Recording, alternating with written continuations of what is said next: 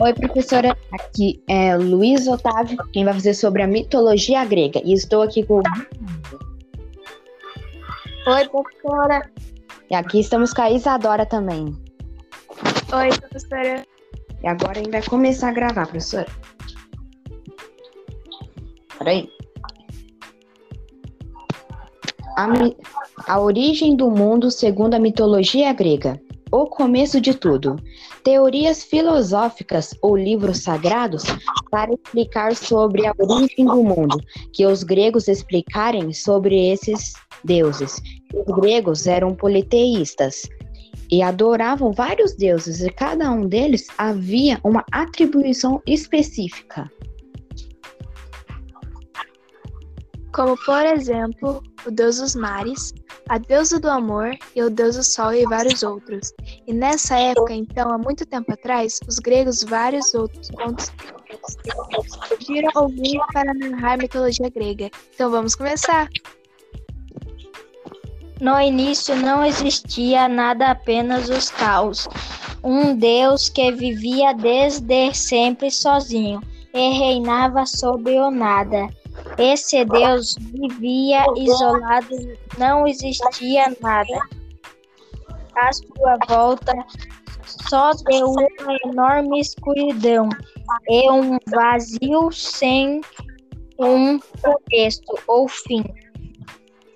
O deus Caos viveu assim por séculos, assim, até que um dia ele cansou de viver sozinho, resolveu criar algo a dar um início ao mundo. Então ele começou criando Gaia, a mãe da Terra, depois criou Eros, o amor, Nix, a noite e por último Tártaros, o inferno. O rei Tártaros ficou no lugar mais fundo da Terra. Perto do centro da Terra, bem longe da superfície. O Tártaro fica tão longe quanto a Terra fica do céu. Tanto que se deixasse cair um objeto da superfície da Terra até cair no Tártaro, demoraria nove dias até chegar nas trevas. É bem no coração da Terra do reino do Tártaro. Tinha Nix, a deusa da noite. Ela tinha um palácio no palácio e o palácio era coberto por nuvens pretas. Esse era o local onde a noite escondia. escondia para ela se esconder e à noite ela sair e se estender, entender a terra. Depois de um tempo, Gaia, a mãe da terra, criou Urano, que seria a representação do céu, e acabou sendo também a amante de Gaia. Depois disso, Urano e Gaia tiveram 18 filhos. Doze deles nasceram titãs. Seis eram homens, seis eram mulheres. E todos esses titãs tinham uma força gigantesca e uma beleza incrível. Cada titã era representado por um elemento da natureza, como mar, frio, sol, e o mais importante deles era Titã Cronos, o titã do tempo. E como esses titãs eram filhos de Gaia, eles nasceram nas profundezas dela, que era o Tártaro. E por terem nascido no meio das trevas, eles eram vistos como violentos e assustadores. Gaia e Urano tiveram três ciclopes, que eram igual aos titãs, porém eles tinham apenas um olho na testa. Então os ciclopes também dormiram um dos elementos, e no caso foram os elementos raios, relâmpagos e trovão. E por último, o casal teve mais três filhos, que no caso eram três hecatônquiros. Esses hecatônquiros têm exatamente 50 cabeças e 100 braços. O problema mesmo era que depois desses filhos, todos, ele não gostava de nenhum de seus filhos, porque ele temia que algum dia deles poderia ficar tão forte que tomaria seu lugar. Então, Urano, sabendo quão poderosos eram seus filhos, ele os colocou de volta no Ultro de Gaia, trancando eles nas profundezas de Tártaro. Gaia começou a sentir uma dor insuportável que não estava mais aguentando, pois ela não suportava aprisionar tantos filhos dentro de si. Então ela tramou uma vingança. Para vingança, então ela tentou convencer os filhos a aceitarem a proposta e se voltarem contra pai Urano e lutarem contra a vontade dele. Então só um filho dos filhos aceitou a proposta que foi o filho Cronos. Então, para o plano de Gaia, ele criou uma enorme foice e deu para Cronos, para que ele conseguisse castrar o Porém, pai. E assim foi feito Cronos. Então cortou o testículo de Urano deixou ele incapaz de governar o mundo e ter outros filhos. Porém, com isso, o sangue de Urano acabou sendo delamado e se espalhou por todo o mundo, acabando dando a origem de outros seres e divindades. Então, dos sangues que se espalhou, nasceram outros deuses, Alector, Tisífone e Mecare, que representavam o ódio, a vingança e a discórdia.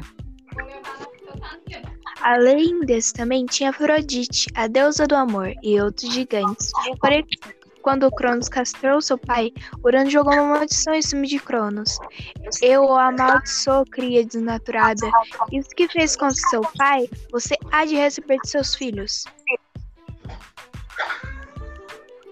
Então Urano, como foi traído por Gaia, e acabou se separando de Gaia, deixando espaço para seus filhos viverem. Então os filhos de Urano crescendo livremente, com o tempo começaram a rodar. O reinado do tempo todos então tomou o lugar de seu pai, Urano, e agora e se tornou soberano, mandando e comandando em tudo.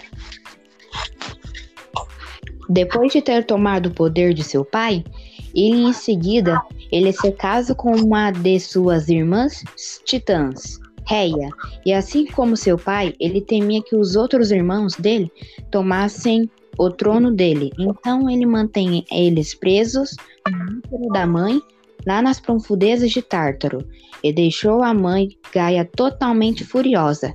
E Cronos sabia que seu pai tinha derramado essa profecia nele. Ou seja, em algum dia, um de seus filhos tomaria seu lugar, assim como Cronos fez com seu pai. Então Cronos deu uma ordem para Réia, sua esposa, que cada mês que ela desse a luz, ela tinha que levar a criança para imediatamente para ele devorar a criança. Assim que nascesse, mais como esses filhos eram fi, é, filhos de Cronos e netos de Gaia Urano, eles nasceram imortais. Então, mesmo Cronos devorando seus filhos, eles ficavam no, esgo, no estômago de Cronos. Ao todo, Cronos Reia tiveram cinco filhos.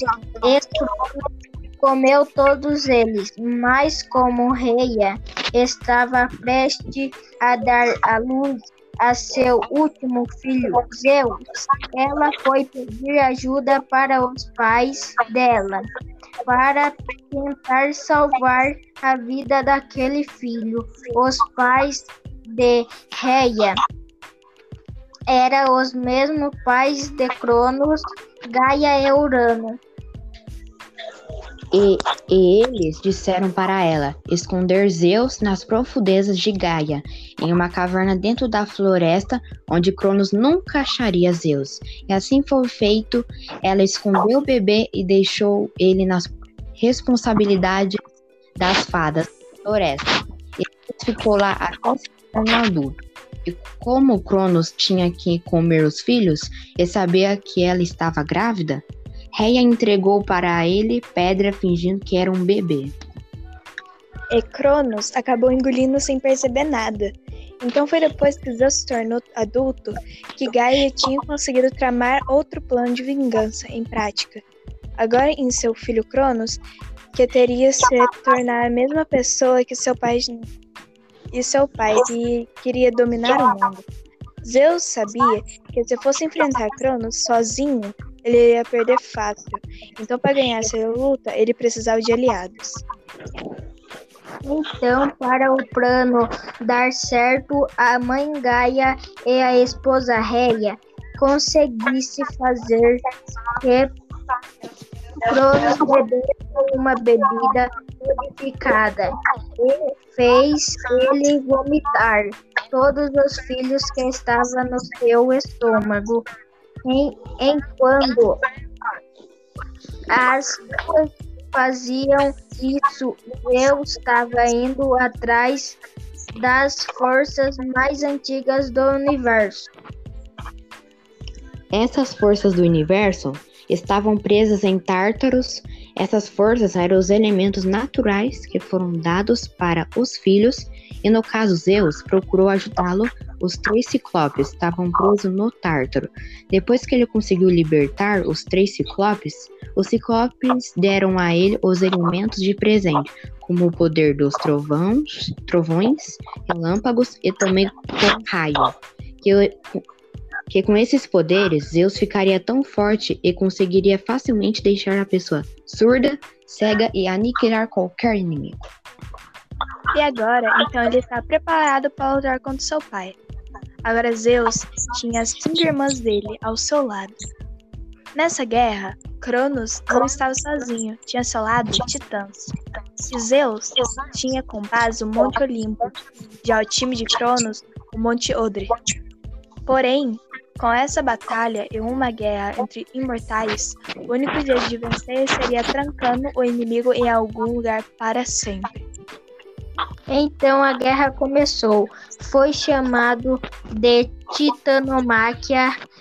Essa guerra durou 10 anos e os dois lados ficaram perto do, da vitória. Quando os times de Cronos estava sendo derrotado pelo time de Zeus, Cronos usou sua arma secreta, o Tifão, uma arma que representaria os caos. Tifão era um monstro gigante de destruição, porém Zeus derrotou o monstro, mas o Tifão deu um estrago. Com esse estrago, eles poderiam perder a guerra, e Zeus teve a brilhante ideia que libertasse seus outros irmãos, os Hecatônquiros. Eles causavam uma destruição grande, então depois de 10 anos, o time de Zeus ganhou a guerra, mandando Cronos e os titãs do mal às profundezas de Tártaros. Depois que acabou a guerra, estava tudo destruído e Zeus teve o plano de reconstruir tudo de volta. Então ele não queria ser o rei de tudo. Ele dividiu seu reinado. O mar parou Poseidon, Hades ficou com Tártaros e Zeus ficou com o céu e a humanidade. E é isso, professora, acabou. Se você gostou, é dá uma Esse é o nosso trabalho. O tema foi mitologia grega. A gente tirou várias várias histórias, teorias da internet e tudo que a gente sabe a gente colocou nisso. Demorou cinco horas. Demorou demais, mas ficou muito bom. Tchau, professora. Tchau, professora.